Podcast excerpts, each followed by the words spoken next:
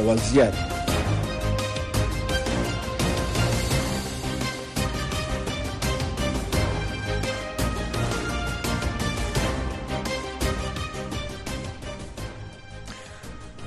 سلام و شب بخیر بیننده ها و مخاطبین گرامی ما بر روی فیسبوک رادیو و همچنین وبسایت صدای امریکا. من محمد احمدی هستم میزبان برنامه امروز با روایت دیگری. در برنامه امروز به موضوع نشست دوم ملل متحد در دوحه می‌پردازیم. اینکه چه دستاوردهایی را برای حل بحران جاری افغانستان این نشست در پی خواهد داشت.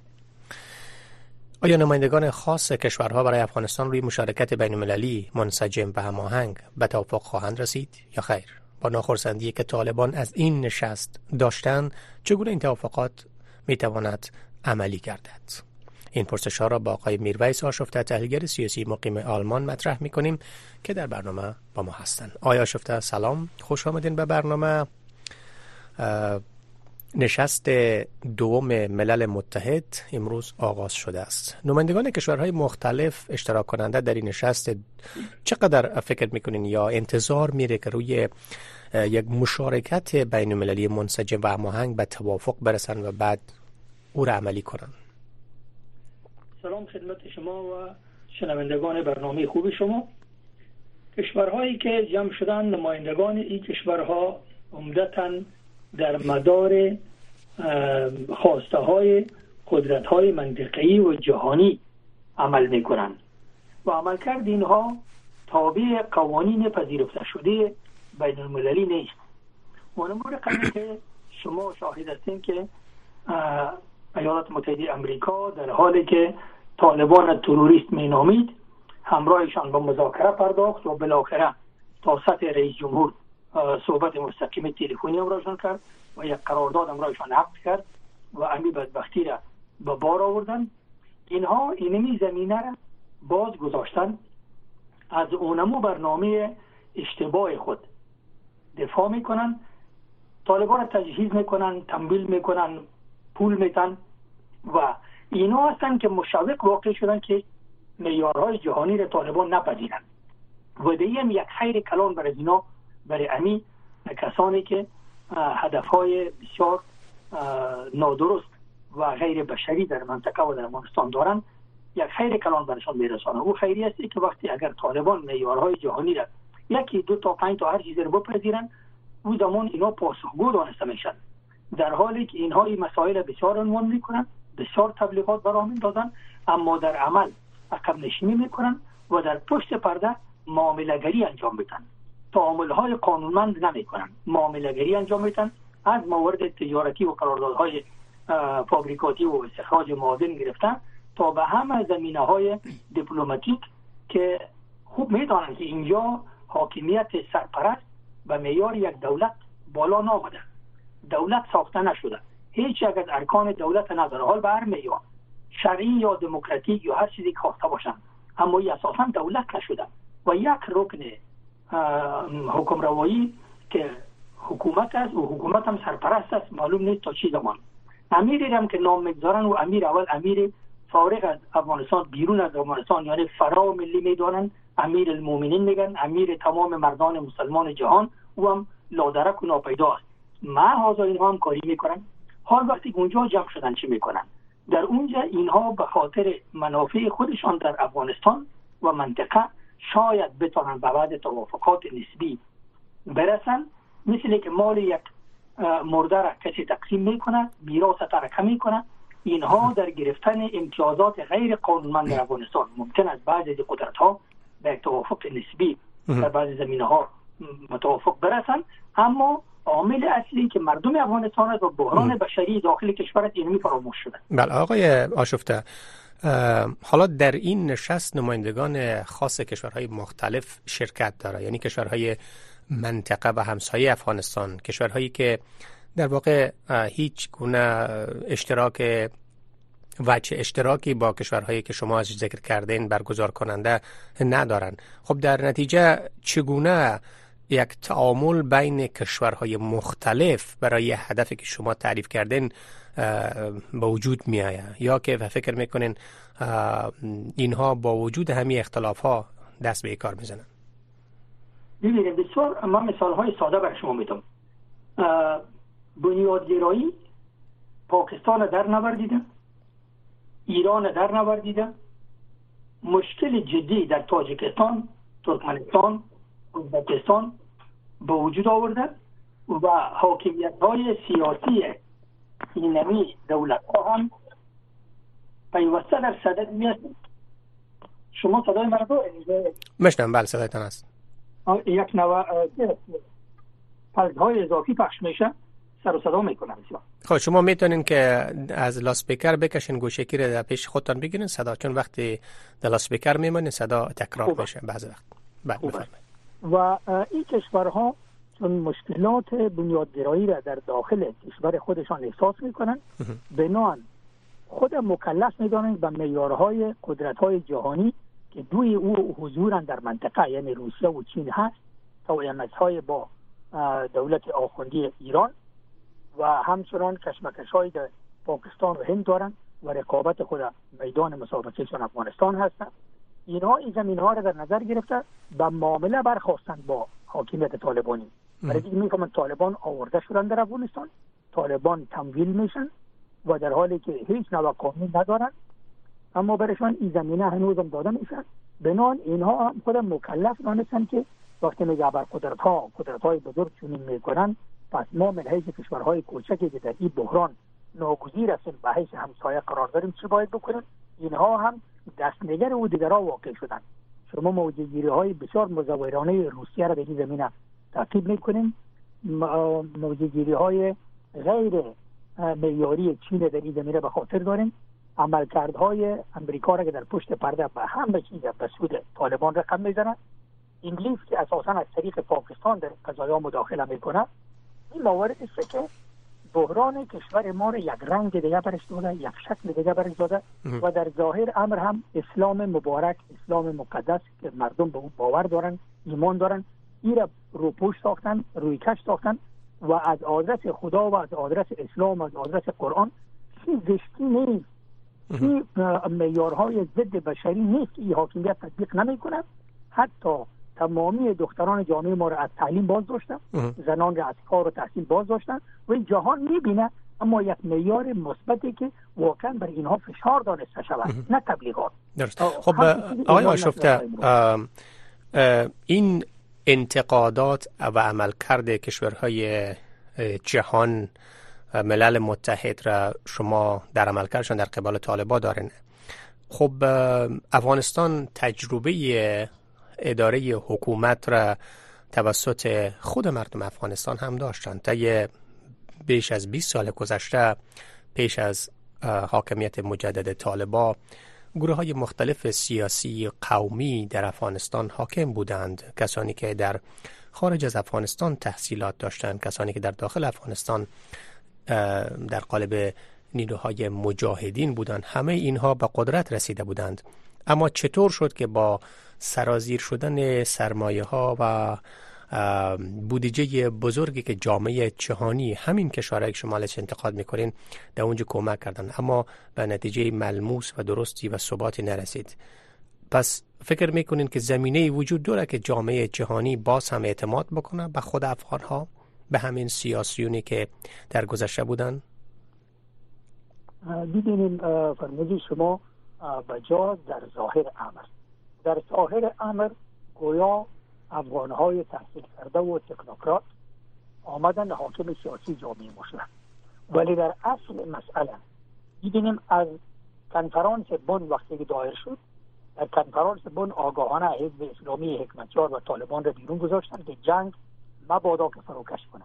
خدا نخواسته جنگ فروکش نکنه. و جنگ همیشه دو طرف ضرورت داره. یک طرف دیگر هم نگاه کردن. بعد در حاکمیت سیاسی افغانستان موره های سوختره که سوابق بسیار تاریک و تار داشتند و حتی در کشتار ده هزار نفری تنها شهر کابل چقدر سهم داشتن دیگه در سالهای گویا مبارزه بر ضد شوروی وقت. که اونجا هم جنگ های ذات البینی از اینها عالم از جوان های کشور قتل و قتال کرده بود. اینها را آوردن و در رأسش خب مثلا ظاهر امر یک تکنوکرات اما شما به نیکویی می‌فهمید که آقای کرزی از پشت یک موتورسیکل یک طالب از ارزگان آوردن به حاکمیت تکیه دادن و اینکه خب آقای عبدالله از جمعیت ده ها پارچه شده و هیچ این مسئولیت را به حیث پاچهای دوم در افغانستان حاکمیت می‌کرد تا بالاخره نوبت به آقای دکتر غنی رسید و این کشمکش همچنان باقی ماند اینها به مسابه ماریونت به مسابه پپت به حیث گوتک های اینها استفاده شدند. و بر ضد منافع افغانستان چنان چور و فساد کردند که هیچ کسی در هیچ دوره تاریخی همه پولی که در افغانستان ریختانده شد اما یک طبقه عجیب و غریب ستمگر متمول میلیون و میلیارد دلاری به وجود آمد و فقیر فقیرتر شد خب لحاظ اون زمان هم بله. مردم حاکم شده باشه بله. این کسا امینا انتخاب کردن امینا ولی ولی یک ولی یک نکته دیگر هم در اینجا واضح هست که همین افرادی که شما ازش نام گرفتن اینها خود را نمایندگان اقوام و ملیت های مختلف در افغانستان می دانستند. از مناطق شمال افغانستان گرفته تا جنوب، شرق و غرب همه اینها پایگاه مردمی داشتند چه بسا که در انتخاباتی که طی دو دهه گذشته برگزار شد طرفداران خود را داشتن میلیونی رأی می‌دادن و انتخاب می‌کردن باز همینا را. اگرچه که شما به مسائل فساد و سوی مدیریتی که اونا داشتن تا گذشته 20 سال گذشته اشاره کردن اینها هم مسائلی بود که انتقادات وجود داره. اما به هر صورتش اینها همه کسانی بودند که از خود افغانستان بودند. یعنی بیگانه نبودند. پس چطور شد که 20 سال نتانستن به دستاورد برسن؟ شما هنوز هم باز هم کشورهای خارجی را دخیل می‌دانین در این کوتاهی؟ مقصر اصلی گرداننده های داخلی سیاست از در افغانستان در ظاهر امر ولی در پشت پرده اینمی مهره ها اینمی مهره های سوختن می‌بینیم طالب یک سبب قدرت نرسیدن. آقای کرزی که از پشت متسکل طالب از اورزگان به حاکمیت رسیده بود به زودی زمان 2003 ملاحظه کرد که طالب از میره آمد و اصطلاح برادران ناراضی را اختراع کرد و تا به پایان به این روزهای اخیر شما مصاحبه های از مقامات مسئول طالبان را داریم که میگه همه اینها با ما بیعت کردن. همه با همکاری کردن و ما امضای از اینها را داریم. به هر حال اینها از امون زمان این کار کردن که مبادا طالب کاملا سقوط نکنن و این برنامه برشان داده می‌شد برای که برای دو طرف جنگ تجهیزات و پول به کار بود و یک روز جنگ افغانستان بیش از چند میلیون دلار مصرف داشت. این که میپرداخت؟ این قدرت هایی که من میگم من با استنادی را خدمت شما مطرح می‌کنم. اینها این پول می‌دادن و این جنگ همچنان نگاه داشتن. تا به اینکه چون فساد بیش از حد او حاکمیت او را به حساب زمینگیر کرد اینها هم دست حمایت خصوصا امریکا و ناتو از پشت و گذاشت که طالب به قدرت برسه. حالی هم. طالب در ظاهر اما اینها ملامت می‌کنن اما از وسایلی که به نام دفاع از حقوق بشر دانسته میشه اینها فقط استفاده تبلیغاتی می‌کنن. هرگاه کمک های بشری. اون رقمی که خب آقای بایدن گفت که ما از وقتی اینا حاکم شدن تا دو اشاره پنج میلیارد دلار دادیم. ارقام بعدی که روشن شد که بیش از 11 میلیارد دلار میگن ما دادیم. هرگاه در اینجا. یه از 50 فیصدش هم به مردم افغانستان می‌رسید ما در این سطح زیر خط فقر خب یک پرسه برز مذارت چون فرصت هست کم است و چند موضوع دیگر می‌خوایم بهش اشاره بکنیم. به نظر شما دلیل اینکه طالبان تاکید داشتن که در دیدار با منشی عمومی ملل متحد دیدار داشته باشند در این نشست و ملل متحد ایره رد کرده است. فکر می‌کنن طالبان چرا اینقدر اصرار داشتن بر این موضع خود؟ چرا دنبال می‌کردن ما در افغانستان سابقه کارکرد آقای محمود مصری ابراهیمی و اینها را داشتیم. اون زمان هم دیده شده که این نماینده ها بیشترین دستورشان از خود ایالات متحده امریکا می‌گرفتن و به بعضی معیارهای جامعه جهانی در سازمان ملل او را وفق می‌دادند. شاید این تجربه برشان برسانه که خب واسه نما فعال است و چند مؤسسه دیگه ادعا می‌کنن حال اونها. هرگاه اونها ریگ در کفش داشتن از هیچ حراس دارن خود نماینده سازمان ملل متحد اما ترسشان است که تمام کشورهای دیگه از طریق این نماینده می‌تونن به توافق برسن و ابتکار عمل از دست اینمی گروه طالبا بیرون بکشن به این خاطر از دیدم اینا موافقت نمی‌کنن. برای اینکه اون نماینده ها هم چه کارهایی بکردن مثل که همین حال گزارشاتی که آقای سنلی اغلو مطرح می‌کنه و امی فیصله قبلی مجمع سازمان ملل متحد 27 یا 27 از امی نشان میده که اینها چقدر در این مسئله متاسفانه غیر دقیق عمل می‌کنن.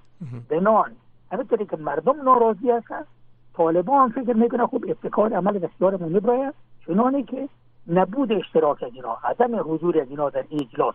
من فکر این بار بسودشان نیست. این همه کلشفی ها و همه چیز نپذیرفتن و یکسره امتیاز به جانب خود کمایی کردن. این بار شاید نباشد ممکن است بعد میارها طوری در این جلسه که روز گذشت و فردا هم در جریان است. ممکن است طوری وضع شود که به سود اینها نباشد بله. و بالاخره آقای آشفته ب... کلامتان قطع می‌کنم. به نظرتان آیا انتظار میره که ملل متحد نماینده ویژه‌ای که برای افغانستان بحثش بود و قبلا متذکر شده بود این بار در این نشست معرفی بکنم؟ و این نماینده به نظرتان چه کسی خواهد بود؟ یا خود آقای سنلی اغلو دوباره نماینده خواهد بود یا فکر می‌کنن کس دیگه خواهد بود؟ مشکل است که این مورد ما بتونم راز نظر قاطع و روشن بکنم.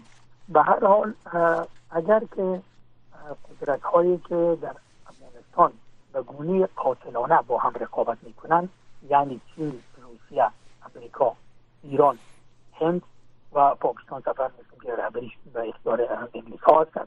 اینجا اگر اینا به توافق برسن او زمان طالب خواسته باشه یعنی اینا نماینده را تعیین می‌کنن این آقای سنی اغلو باشه هم این آقای اغلو منافع افغانستان به اون گونه که مشکل بحران جدی حقوق بشر در افغانستان دیده او رقم انعکاس نداده من من حیث یک شهروند عادی با این دیدگاه موافق نیستم و میگه سالی که نکوس از بهارش پیداست. هرگاه به همین منوال اینا پیش برن مثل که ما تکرار مکررات تجربه خواهد کردیم و عاملی که فراموش شده و واقعا مد نظر گرفته نمیشه این این ملت تباه شده افغانستان است که امروز به اقوامی را تجزیه کردن. حتی با نام کشور با همه علائم و سمبول هایی که در کشور بوده و با تاریخ کشور این حدود 50 سال میشه که نماینده ها را دیگران انتخاب می‌کنن دیگران به قدرت میرن دیگران حمایه می‌کنن و راه هستش مردم گم شده و واقعا یک بدیل قانونمندی که بالقوه یا بالفعل برابر طالب همین لحظه وجود داشته باشد نیست. اما دیگه ضرورت مادر ایجاد است. هر اینا بهش و پیش برن و بر مردم قرار بگیرن این مردم بالاخره من فکر می‌کنم که راهی برای اینکه در مقابل اینا قرار بگیرن برای خود پیدا خواهد این نماینده جدید ملل متحد حالا خب مورد قبول طالبا نیست احیانا اگر معرفی شوه چطور می‌تونه کار بکنه با طالبا؟ و در واقع پرسش دیگه است که اصلا صلاحیت کاری این نماینده با رئیس یونما که در کابل هست چه تفاوت هایی خواهد داشت؟ شما خود شاهد هستین که یونما جز این که یک کلسن آمار و اشوریه ها را او هم بسیار پسانتر نشد می‌کنه در زمینی جلوگیری از بحرانی که بسیار به گونه تازنده و چارنعل پیش میره کار موثری انجام نداده. لحاظا خب اینها ارگان های مرجع جهانی هستن با هم می‌تونن کنار بیان اما میمانه بحثی که با گروه طالبا چطور اینا کنار بیان طالبا زمانی که هیچ قانونی را در سطح ملی و بین المللی نپذیرن هیچ گونه معیاری را قبول نکنن مشکل است که با اینا کسی کار کرده بتونه و جامعه جهانی در راه در رابطه به طالب ها ایالات متحده امریکا و همپیمانایش اگر فشارهای عملی را بالای طالب ها اعمال کنن طالب حاضر به تمکین هست. اینها که مسائل از سناتورها را مطرح می‌کنن یا آقای آقای خلیلزاده مثلا زیر سوال می‌برن اما کمک های پولی میتن کمک های استخباراتی میتن. ده ها هزار جاسوسی که ای سال تربیت کردن از او به سود طالبا استفاده می‌کنن. لحاظا با تبلیغات کاری نمیشه. و من فکر می‌کنم که راه حل این که طالب قسما مهار شود یه عملکردهای بسیار ناشیانه و خودسر او و خصوصا این بحثی که هیچ کشوری در جهان وجود نداره که زنان یک کلم حس کرده باشد تمام فعالیت های اقتصادی اجتماعی و دخترها را در خانه شونده باشد. ب... هیچ معیاری نه شریعت نه دین هیچ چیزی برش اجازه نمیده اما هنوز پشت سر می استادن و همین طالب با پول حمایه می‌کنن متاسف بله. آقای آشفه آیا در این نشست دوها احتمال این وجود داره که حمایت از جناهای مخالف طالبان که در خارج هستن هم مطرح شوه یا تصمیم حداقل در مورد به نوع سهیم ساختن از اونا در تصمیم گیری ها و یا در ساختار قدرتی که در افغانستان هم مطرح شد و اصلا چقدر جامعه جهانی به سهمگیری این سیاست مدارانی که به اصلاح تجربه خود را به آزمون گذاشتند و رهبران سنتی افغانستان برای حل بحران سیاسی افغانستان اصلا باور دارند. تشکلات سیاسی که به مساوی رقیب و الترنتیو در برابر طالب عمل بکنن متاسفانه در جامعه ما وجود آمدن. همین گروپ های هم که نام برده میشه اینها یک نوع پیوند بسیار جدی و روشن با اونمو رای سوخته و آدرین شده ها دارن. و بعد حتی در امو معیار منفی هم که نظر بکنیم یا نتوانستن مثلا یک جنرال معینه در بحث های کسانی که مبارزات مسلحانه است معرفی بکنن و کسانی که در مبارزات فرهنگی مدنی می‌خواین کار بکنن اینها یک اعتماد رو به وجود داشته باشن یک نماینده مثلا تا معرفی بکنن که کی گویا سخنگوی ما هست من فکر می‌کنم که هنوز به زمان بیشتر نیاز است که در افغانستان یک اپوزیسیون قانونمند که بتانه از مردم نمایندگی بکنه از این اکثریت خاموش نمایندگی بکنه و دستش در اینمی بحران و قتل و قتال و چور چپاول بیش چهار دهه اخیر دخیل نبوده باشد.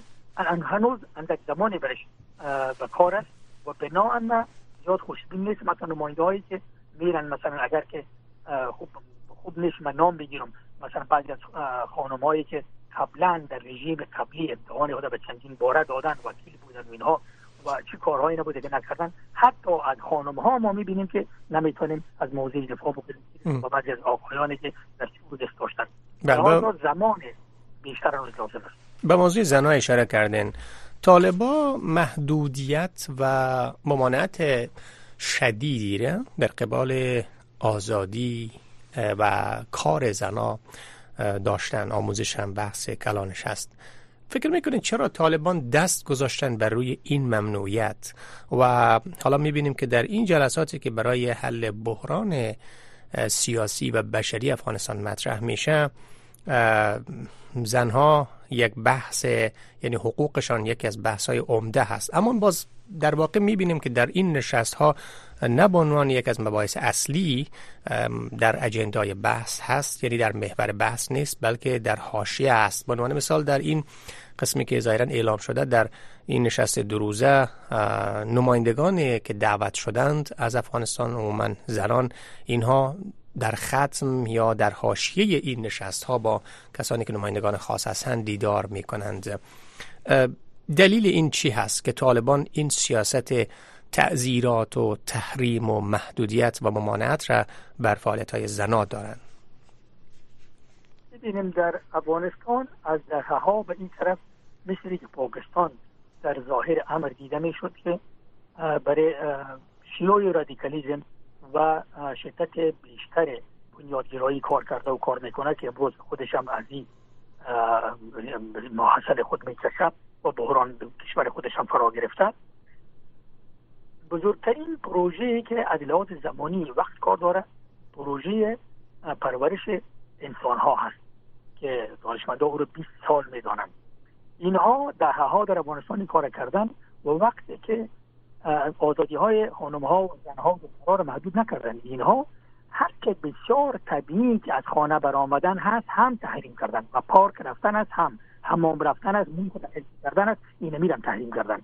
یعنی اینا از پروژه بسیار قاتلانه تربیت و پرورش آدم های رادیکال که به گونه اسب گازی عمل بکنه امور در دسترس دارن معارف کشور ما را در کل فلج کردن و آمدن مثلا فرهنگ اصلا نادیده می‌گیرن و رفتن پیوسته مدرسه سازی می‌کنن و از این طریق هر روز ما میشنیم که این قدر از فلان مدرسه فارغ داده شد. و اینها فقط تربیت های دیدگاه اونمو حقانیه و دیوبندی را دارن و به این شبه وقتی که زنها را محدود بسازن و زودی مثلا شایدم حتی خدای نکرده اگه اینا ادامه پیدا بکنن پنج سال بعد من یک مثال زنده برای شما میگم ما چند شب یک خانم که گویا پلیس طالبان بوده یک خانم دیگر در خیرخانه. و ضرب شلاق هم می‌زد مویایش هم کش می‌کرد چند لگت یا لغت هم حوالش کرد. و در خبر گفته شد که این پلیس طالبان ما از شخص وزیر سرپرست داخله شد با 2200 خانم پلیس وزارت داخله تربیت کردیم. اگر همین تربیت هست اگر همین است به همین شیوه شما فکر کنید که پنج سال بعد در افغانستان چه چیزی بیداد خواهد کرد. و این خاطر است که من قدرت های بزرگ به شدت نقد می‌کنم. میگم که اینها هر بار وقت وقتی که تنظیم ها را در برابر شوروی وقت رشد دادن ببینیم نتیجه چی شد.